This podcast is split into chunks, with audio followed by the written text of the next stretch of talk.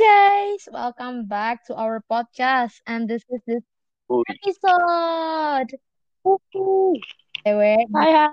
libur, libur dulu ya, soalnya Doi lagi sibuk sama organisasinya. uy. Ini kita bakal bahas apa nih hari ini? Oke, jadi di second episode ini kita bakal bahas tentang sex education, guys. Hmm, Sex education terus ntar ada gestarnya namanya Dr. Dino. Kenapa kita memilih Dr. Dino? Karena Dr. Dino punya pengetahuan tentang sex education yang lumayan ekstensif because dia ada latar belakang medical in medical field. So, without further ado, Nah, kan episode ini ada guest star tuh. Habis ini ada interviewnya dari Rani sama dokternya, dokter Gino, eh Dino. Untuk episode kedua, ini kita tuh pakai bahasa Indonesia agar lebih mudah dipahami ya guys. Nah, langsung aja nih kita dengar Eh, interviewnya. dengan latar belakang medical menurut Kak Dino eh, sexual medik sexual, sexual education sendiri tuh apa sih Eh, gimana sih Oke, jadi eh, seksual edukasi atau sexual education itu adalah suatu upaya pengajaran, penyadaran, pemberian informasi eh, tentang masalah seksual yang sifatnya itu lifelong learning. Jadi setiap fase kita kehidupan itu, setiap fase terkait dari anak, dari remaja, nanti kita mau naik ke dewasa itu pasti ada sexual education-nya, tapi beda-beda. Nah, eh, informasi yang diberikan tuh antara lain pemahaman tentang gender, tentang fungsi kesehatan reproduksi, terus eh, pubertas, hubungan seksual itu sendiri, terus terjadinya pembuahan sampai akhirnya lahiran, habis itu eh, apa eh, STD atau yang kita kenal dengan sexual transmitted disease atau infeksi menular seksual, eh, HIV, kekerasan seksual, penyimpangan seksual, hamil di luar pernikahan, sebenarnya masih banyak sih, gitu. Tapi kurang lebih menjelaskan tentang itu, sexual education. nah eh, Eh. itu kan eh, sexual apa pengertian dari sexual education sendiri Eh, as a dokter menurut Kak Dino tuh seberapa Hah? pentingnya sih untuk eh, ngasih eh, untuk memberikan sexual education dan alasannya tuh kenapa Oke, jadi kalau pendapat aku pribadi sebagai seorang dokter, sexual education itu penting ya, sangat-sangat penting. Tapi masalahnya eh, di eh, komunitas kita atau di lingkungan kita tinggal, especially di, di Indonesia itu, kadang-kadang eh, kalau kita membahas tentang sesuatu yang berbau seksual tuh kadang-kadang masih dianggap hal yang tabu. ya Jadi orang eh, orang tuh kayaknya eh, sex ed itu eh jangan deh itu bukan sesuatu yang umum, bukan sesuatu yang lazim. Kayaknya kalau diomongin secara eh, apa ya di masyarakat atau umum itu kayaknya nggak nggak appropriate deh atau nggak nggak nggak nggak cocok lah gitu. Itu lebih bersifat pribadi. Padahal kenyataannya eh, apa eh, justru karena orang-orang itu kurang informasi atau edukasi tentang sexual education itu sendiri, ya malah eh, hal apa ya masalah-masalah yang terjadi yang berhubungan seksual itu ya muncul karena mereka kurang edukasi atau kurang informasi tentang hal tersebut gitu. Contohnya kita ambil contoh misalnya ini kan kamu eh, lingkupnya lebih ke orang-orang dewasa ya, eh, lingkungan mahasiswa lah ya. Ya. Mungkin eh, pasti pernah lah dengar eh, mungkin teman atau mungkin eh, apa orang-orang yang udah dewasa mereka melakukan hubungan seksual bebas gitu.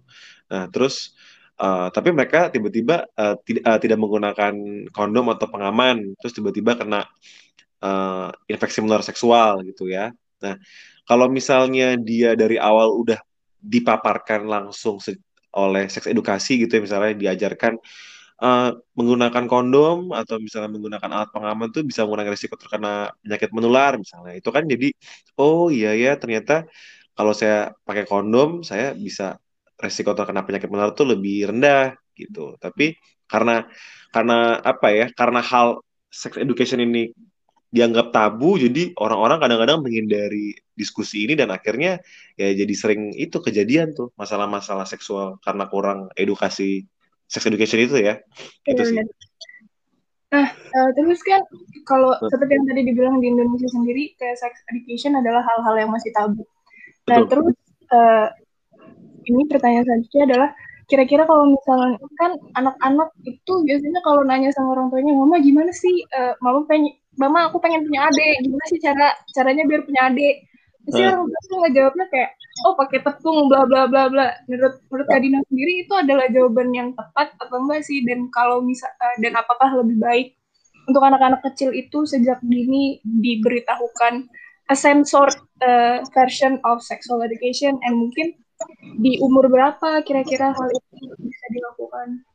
Oke, jadi kalau menurut aku pribadi untuk sex education itu lebih cepat, lebih baik.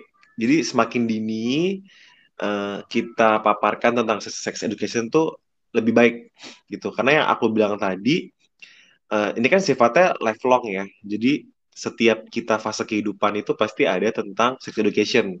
Nah, uh, simpelnya gimana sih? Kan pasti tanya dong, maksudnya dini tuh sedini mungkin maksudnya gimana?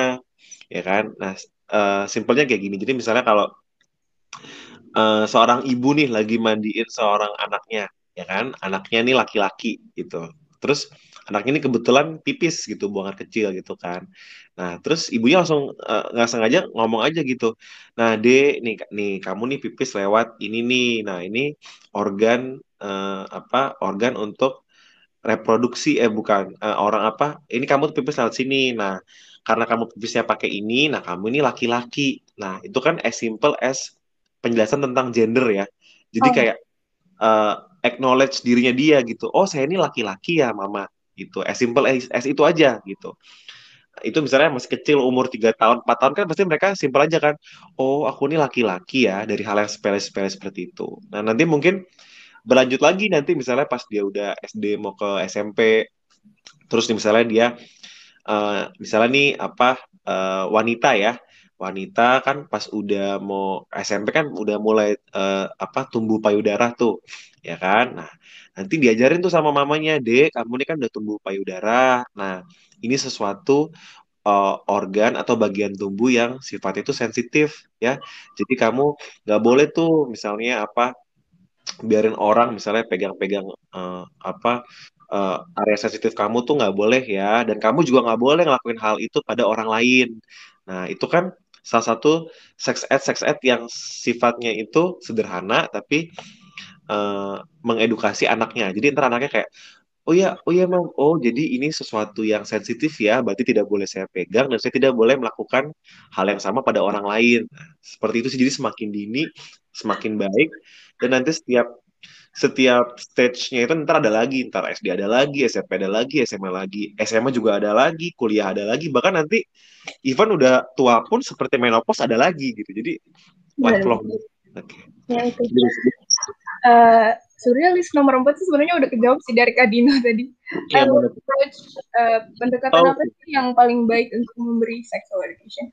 Karena menurut uh, aku sendiri pribadi ya kak, kalau misalnya orang tua tuh kayak terlalu shelter anaknya atau terlalu menutup-nutupi pas mereka tumbuh itu mereka jadi kayak makin penasaran gitu kan. Iya betul. Started to experiment terus kayak tiba-tiba ya. voila jadilah jadi okay. sebetulnya jadi aku setuju banget sama yang kakak bilang tadi. Jadi karena okay. udah terjawab, thank you. Kita ke hmm. pertanyaan nomor lima aja. Oke. Okay. Uh, menurut Kak Dina sendiri gimana sih kayak accidental pregnancy di kalangan teenage? Itu tuh bahaya nggak sih? Dan okay. penyebabnya itu bisa nggak kita bilang penyebabnya karena the lack of sexual education? Oke, okay. jadi kita ngomongin ini ya. Uh, yang pregnancy jadi lebih ke hamil di luar nikah ya topiknya itu berarti ya hamil di luar uh, teenage uh, yang oh, teenage, ya? oke okay. jadi kalau kita ngomongin hamil di luar nikah especially teenage uh, teenager kita harus lihat dari dua konteks nih kalau misalnya kamu misalnya kalau kita uh, intip budaya hidup negara orang barat ya itu mereka banyak yang kehidupannya itu justru malah mereka itu uh, pacaran dulu nih nyaman terus tinggal bareng terus nanti punya anak duluan tapi mereka belum propose propose belum merit merit gitu nanti kalau anaknya udah dua udah tiga baru tuh mereka nikah gitu ya. Kalau di luar negeri kayak gitu. Tapi kalau di Indonesia itu nggak bisa gitu. Itu Ya. bukan bukan budaya kita, jadi nggak nggak masuk ya. Nah, kalau budaya kita tuh seringnya kejadian mereka ngelakuin hubungan seksual di luar nikah, ya kan? Terus nggak sengaja hamil. Nah, Ya. eh, setelah hamil itu sebenarnya yang jadi masalah.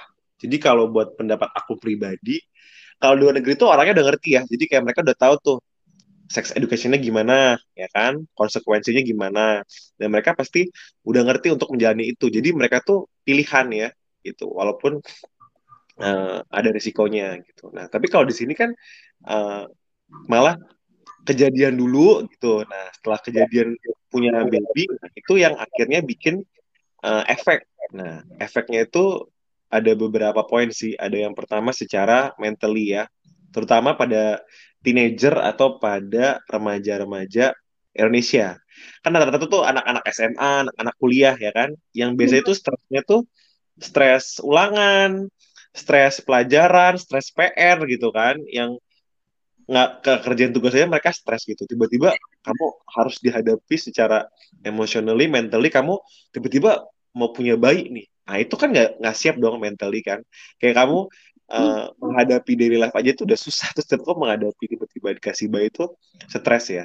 Nah kedua financially, secara finance ya nggak siap banget gitu, sangat-sangat nggak siap dalam artian kamu masih minta papa mama kamu gitu ya kasarnya untuk uang jajan, uang apa tiba-tiba kamu udah punya anak dan kamu ntar harus putar otak lagi, waduh orang tua gue gimana ya, mereka mau biayain nggak ya, apa gue harus kerja segala macam.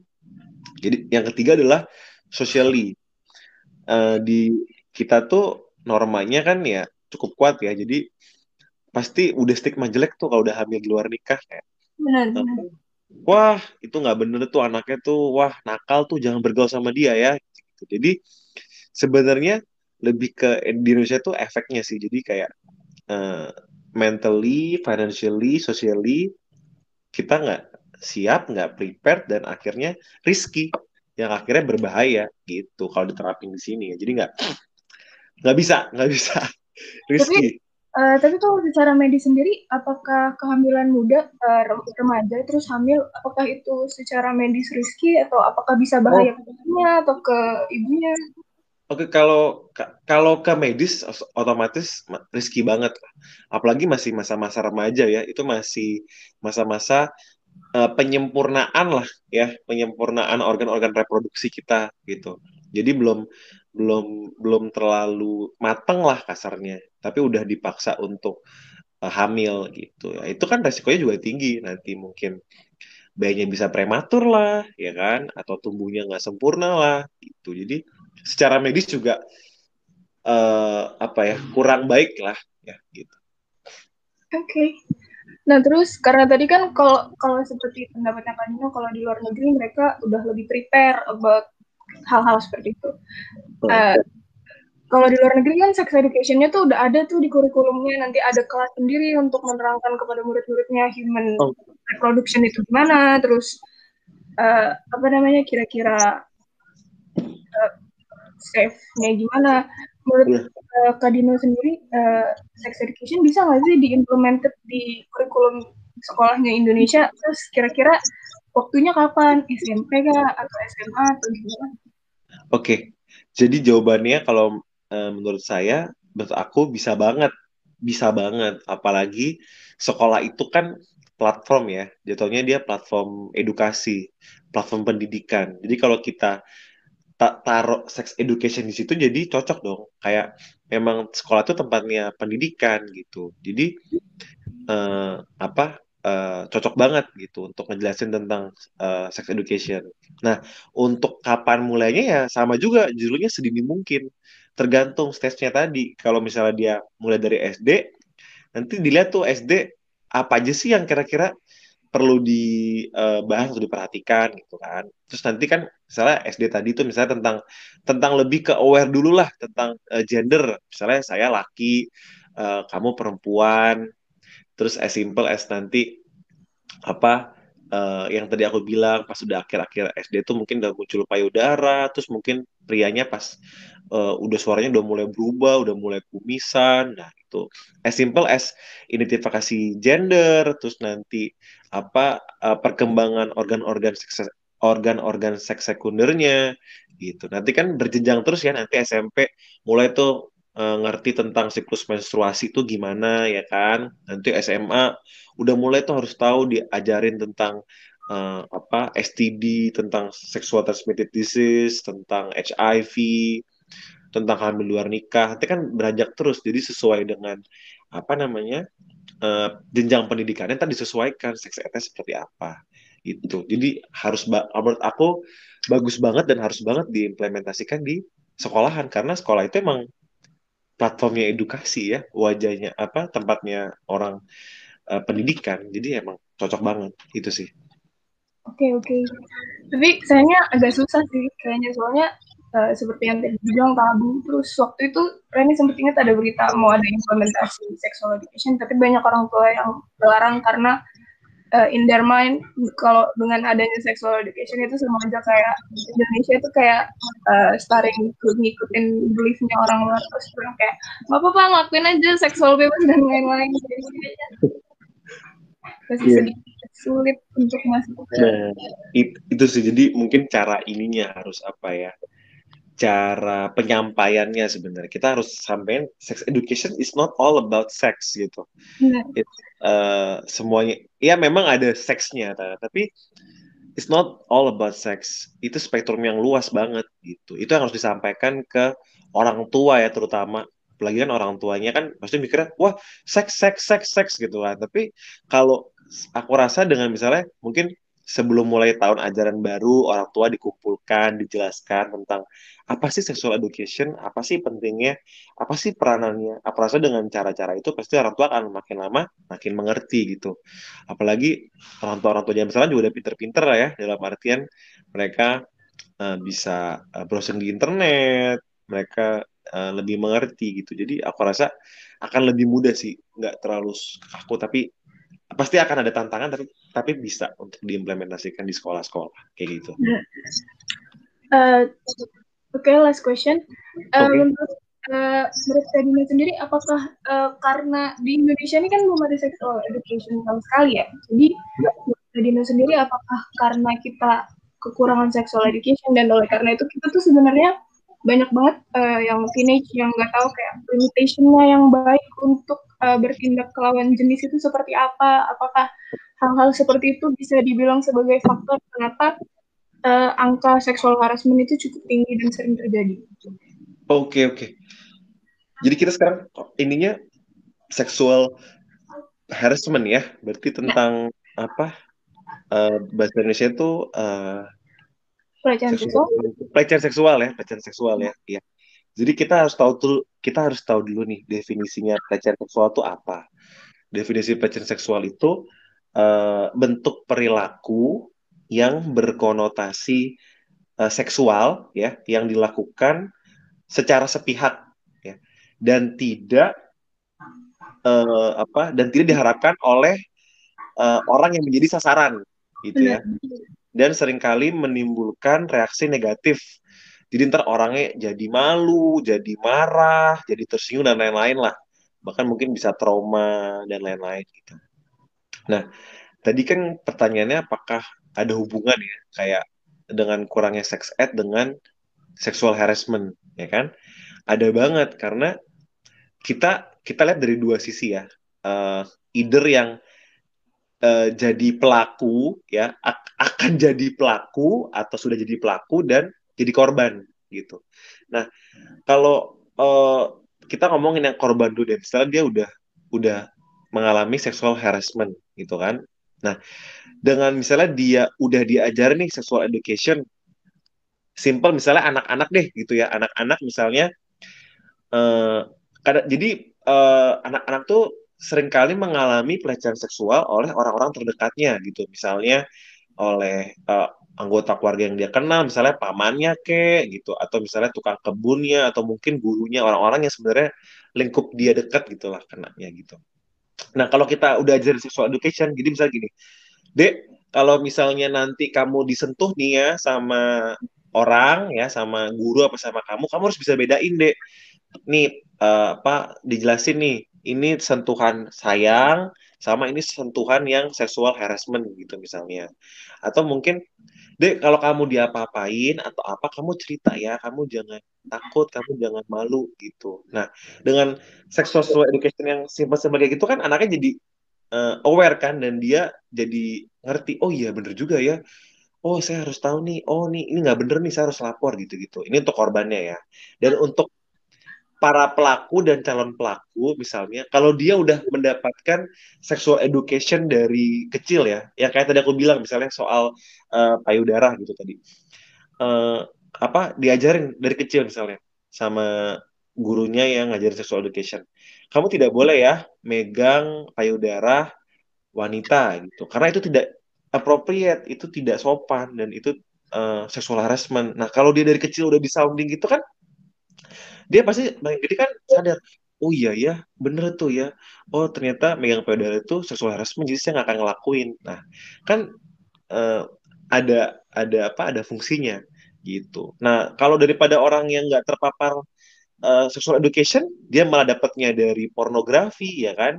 Dari majalah-majalah porno atau dari eh, video-video porno yang ada. Nah dia kan nggak dapat sexual education ini cuma dapat wah ini kok uh, menarik ya buat saya ini kok merangsang saya ya secara seksual gitu. Nah dia bingung dia bingung dia nggak ada dasar seksual education ya. Udah gue lihat jadi wah ada cewek nih, wah gue gue heres aja deh gitu. Jadi penting banget sexual education dan sangat pengaruh banget ada sexual harassment gitu. Pasti dengan bagusnya sexual education pasti akan menurunkan sexual harassment itu sih. Itu pasti berhubungan banget. Oke, okay. Uh, makasih banyak ya kak. Tadi udah jelas banget, udah ekstensif. Terima kasih. Oke. Okay. Ya. Uh, maaf banget ya tiba-tiba kak. Makasih banyak sekali. apa-apa. Sorry, gue malah yang lompat-lompat. Iya nggak apa-apa. Soalnya tuh awalnya podcastnya rencananya uh, cuma kayak gimana sih kayak diskusi ringan bareng hmm. teman gitu loh. Terus tiba-tiba dosennya bilang nggak mau tahu harus ada sumber yang legit either dokter atau apa. Terus ada salah satu instansi yang kita hubungin yang benar-benar buat kayak fokus ke situ. Dan dosennya rekomendasi itu mereka cuma live kita on read aja di WA terus email kita nggak dibalas dan lain-lain. Jadi kayak uh, terima iya, kasih iya. banyak Kak Dino iya kita kita pernah kuliah juga kok jadi kita mengerti struggling Nah, nanti nanti kalau kamu udah kerja juga, udah jadi profesi, kalau kamu diminta tolong sama uh, apa teman-teman susah, kamu juga harus bantu ya. Siap, siap, siap. siap. Kita juga ini, oke? Okay? Ya. Oke. Okay. Ya, makasih banyak Kak. Selamat ya. Ya, luck, ya. Ya, thank you so ya. much. Yaudah. Bye. Bye.